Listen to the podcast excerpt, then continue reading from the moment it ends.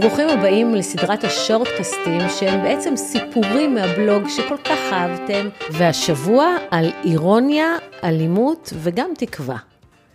בשבוע שעבר ניהלנו דיוני הוכחות בתיק רכושי בין שני גברים שנפרדו אחרי כמעט 20 שנה של עליות ומורדות. יצחק התובע, שפעם היה איציק, מבקש לקבל מחצית מהדירה ומהעסק של יאיר, בן זוגו לשעבר. יצחק, שבינתיים חזר בתשובה, הגיע לבית משפט עם זקן ארוך וציציות ועם אשתו ההרה והחסודה שלראשה כיסוי ראש. עברת טיפולי המרה? שאלתי אותו בחקירה נגדית. עברתי טיפולי קדושה, הוא אישי והחליק על זקנו והוסיף.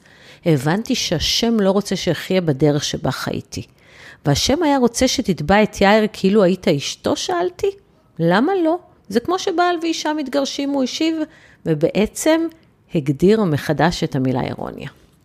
הסיפור השני, בואו נדבר על סוג של אלימות שלא מרבים לדבר עליו. הייתי בדיון בבית משפט מחוזי בחיפה. בתיק הזה קטינה בת 17 שמצויה על הרצף האוטיסטי חווה אלימות מצד, מצד אביה ואף אחד לא עושה כלום. השופטים אומרים לאב בקול של הורה שנוזף בילד שלו, נו נו נו, באמת לא תקין מה שאתה עושה, בבקשה תשתף פעולה ותיקח את, את הבת שלך לטיפול. וכשהוא עונה, זה מה שהיא רוצה, אם היא רוצה להיות קורבן זכותה, הם אומרים לו שזה אחריותו להפסיק את האלימות הזאת ולקחת אותה לטיפול, אבל לא באמת עושים כלום. וככה הם מאפשרים לו להמשיך לנקוט באלימות כלפי הנערה. וזאת למרות שמונחת לפניהם חוות דעת של מומחית שהם בעצמם מינו, שקובעת שבמקום לשתף פעולה עם הטיפול, האב עושה שימוש בטיפול בשביל להמשיך ולפגוע בקטינה. בפועל, מערכת המשפט כולה ממתינה בהכנעה שהקטינה תגיע לגיל 18, ואז ירימו ידיים ויאמרו באמת שניסינו לעזור, אבל עכשיו היא בגירה, ואם זה מה שהיא רוצה, זכותה להיות קורבן. עוד לפני שהסבירות בוטלה, זה נשמע הזוי. אני יודעת שזה נשמע הזוי. לא סביר שמערכת המשפט תיתן לאבא להיות אלים כלפי הבת שלו, נכון? עכשיו תחליפו את המילים חובה אלימות במילים עוברת ניכור הורי, ופתאום הסיפור נשמע הגיוני. אז זהו שלא. לא הגיוני שמערכת המשפט נוקטת בכזו אוזלת יד אל מול ניכור הורי של הורה אחד כלפי הילד שלו שמנתק קשר עם ההורה האחר. אם היה מדובר בשבירת יד או רגל, או סתם אה, גרימת חבלה, אותו הורה היה כנראה עומד לדין פלילי, ולא מן הנמנע שיושב בכלא. וניכור הורי בעיניי הוא אלימות לכל דבר.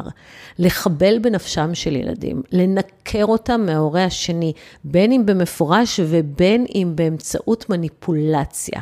לעודד אותם לבחור הורה זו התנהגות אלימה לא פחות מלשבור עצם בגוף. עצם מתאחה. נשמה של ילד לא תמיד מתאחה. ילד מנוכר מתנהל בעולם עם נשמה קרועה, עם תפיסה מעוותת שאם הוא יכול לבחור הורה, יש לו כוח בלתי מוגבל. והכוח הזה מסוכן לילד עצמו. לנקר ילד זה להפוך אותו ליתום מהורה חי ולהפוך את ההורה המנוכר להורה שקול לילד חי. זו אלימות כלפי הילד ואלימות באמצעות הילד כלפי ההורה המנוכר.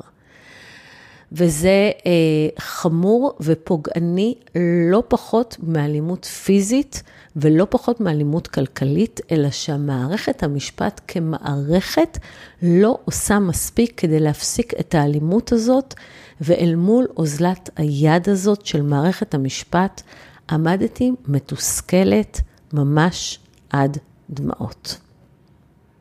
ולמרות זאת, אני רוצה לדבר איתכם גם על תקווה. ההורים שלה העיפו אותה מהבית בגיל 17, כשנודע להם שהיא שכבה עם החבר שלה. היא עברה לגור איתו, ובגיל 18 היא כבר הייתה אימא.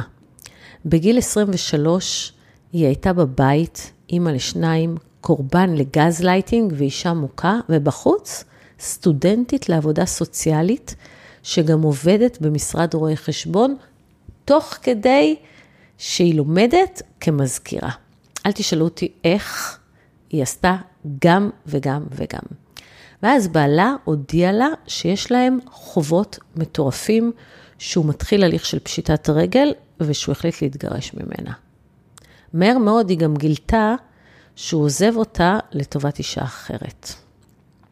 את הסיפור הזה סיפרה לי הבוסית שלה עוד לפני שהיא הגיעה אליי, וביקשה שאני אעזור לה והיא תממן את שכר הטרחה.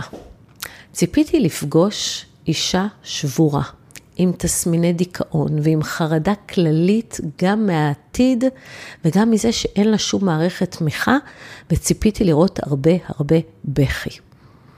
להפתעתי, פגשתי אישה אסופה, עם חיוך, עם גב זקוף שדיברה על כך שעם כל הקושי, היא מנהלת את החיים שלה מתוך אמונה שהכל קורה לטובתה, שיש לה תוכניות לעתיד ושהיא משוכנעת שיהיה הרבה יותר טוב. לקחת לי זמן להבין מה מניע אותה, ובסוף קלטתי. זאת הייתה התקווה.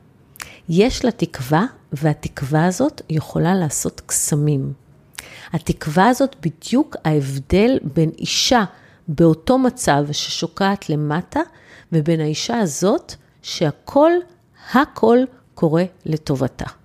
ובערב בבית חשבתי עליה, והתחלתי לבדוק קצת על התקווה הזו, שכולם צריכים ממנה בימים אלו. ומסתבר שיש מחקרים, אפילו מדע שלם סביב התקווה, ויש ארגונים שמטרתם להגביר תקווה בעולם, ודרכים ללמוד לטפח תקווה. תקווה היא האמונה שהעתיד יהיה יותר טוב מההווה, יחד עם האמונה שיש לך את הכוח להפוך אותו לכזו. זו ההגדרה בה השתמש דוקטור שיין לופז, מדען בכיר בגלופ, שגם רצה שנדע עד כמה תקווה יכולה להיות עניין שימושי לגמרי. התקווה היא מנבא קריטי להצלחה במערכות יחסים, בלימודים, בקריירה ובעסקים, כמו גם לחיים בריאים ומאושרים יותר, הוא אומר. דוקטור לופז עומד בראש מחקר מרתק, שמראה לא רק שתקווה טובה לרווחה שלנו, אלא שזו איכות מדידה שניתן להגביר עם תרגול, ניתן לתרגל תקווה. מה שמדהים זה שתקווה היא הרגש החיובי היחיד שמופעל דווקא על ידי מצבי משבר או בתקופות של חוסר ודאות. שמע לכם מוכר? ובכן, בלי קושי אי אפשר להדליק את הניצוץ הזה של התקווה. אין לנו צורך בתקווה בלי משבר, אבל כשניצוץ התקווה נדלק, הוא יכול להאיר גם מקומות מאוד מאוד חשוכים. הוא יכול אה, אה, להביא מזור גם לאנשים במצב של משבר קשה. אנשים חסרי תקווה לא מבינים שהמשבר או חוסר הוודאות הם דווקא קריאה לפעולה, כי הם מתמקדים בקושי, וכידוע, מה שמתמקדים בו גדל. אנשים בעלי תקווה אוחזים באמונה שיש להם יכולת לשלוט על העתיד, הם מאמינים שתוצאה עתידית חיובית אפשרית, הם רוצים בה והם מחפשים דרכים לשנות את המציאות הנוכחית, ומה שמניע אותם זה התקווה שהעתיד יהיה טוב יותר. ג'ון פרסי, מנכ"ל מרכז התקווה באוניברסיטת אריזונה, מדגיש שחשוב להבין את ההבדל בין תקווה לבין אופטימיות עיוורת. אנשים אופטימיים רואים את חצי הכוס המלאה, אבל אנשים מלאי תקווה שואלים איך הם יכולים למלא את הכוס, הוא אומר. פרסי אומר שמכיוון שאופטימיות לא מחייבת אדם לעשות שום דבר, היא יכולה להפוך לסוג של חיוביות רעילה. אבל אנשים שהם מלאי תקווה, הם לא יכולים פשוט לשבת ולקוות לטוב.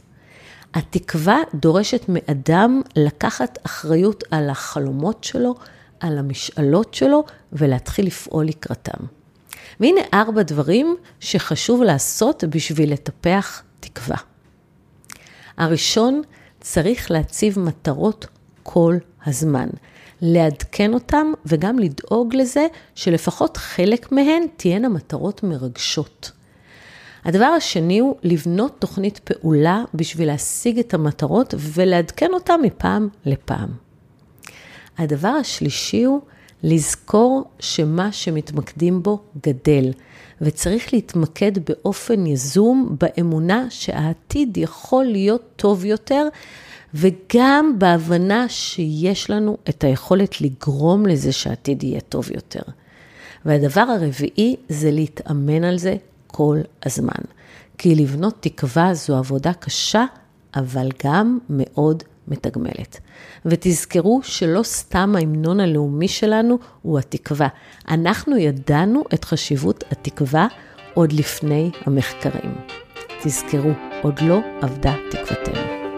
תודה שהאזנתם לשורטקאסט. אם מצאתם ערך או סתם היה לכם ממש מעניין, אני אשמח אם תעבירו אותו למישהו שיהנה ממנו גם. תודה.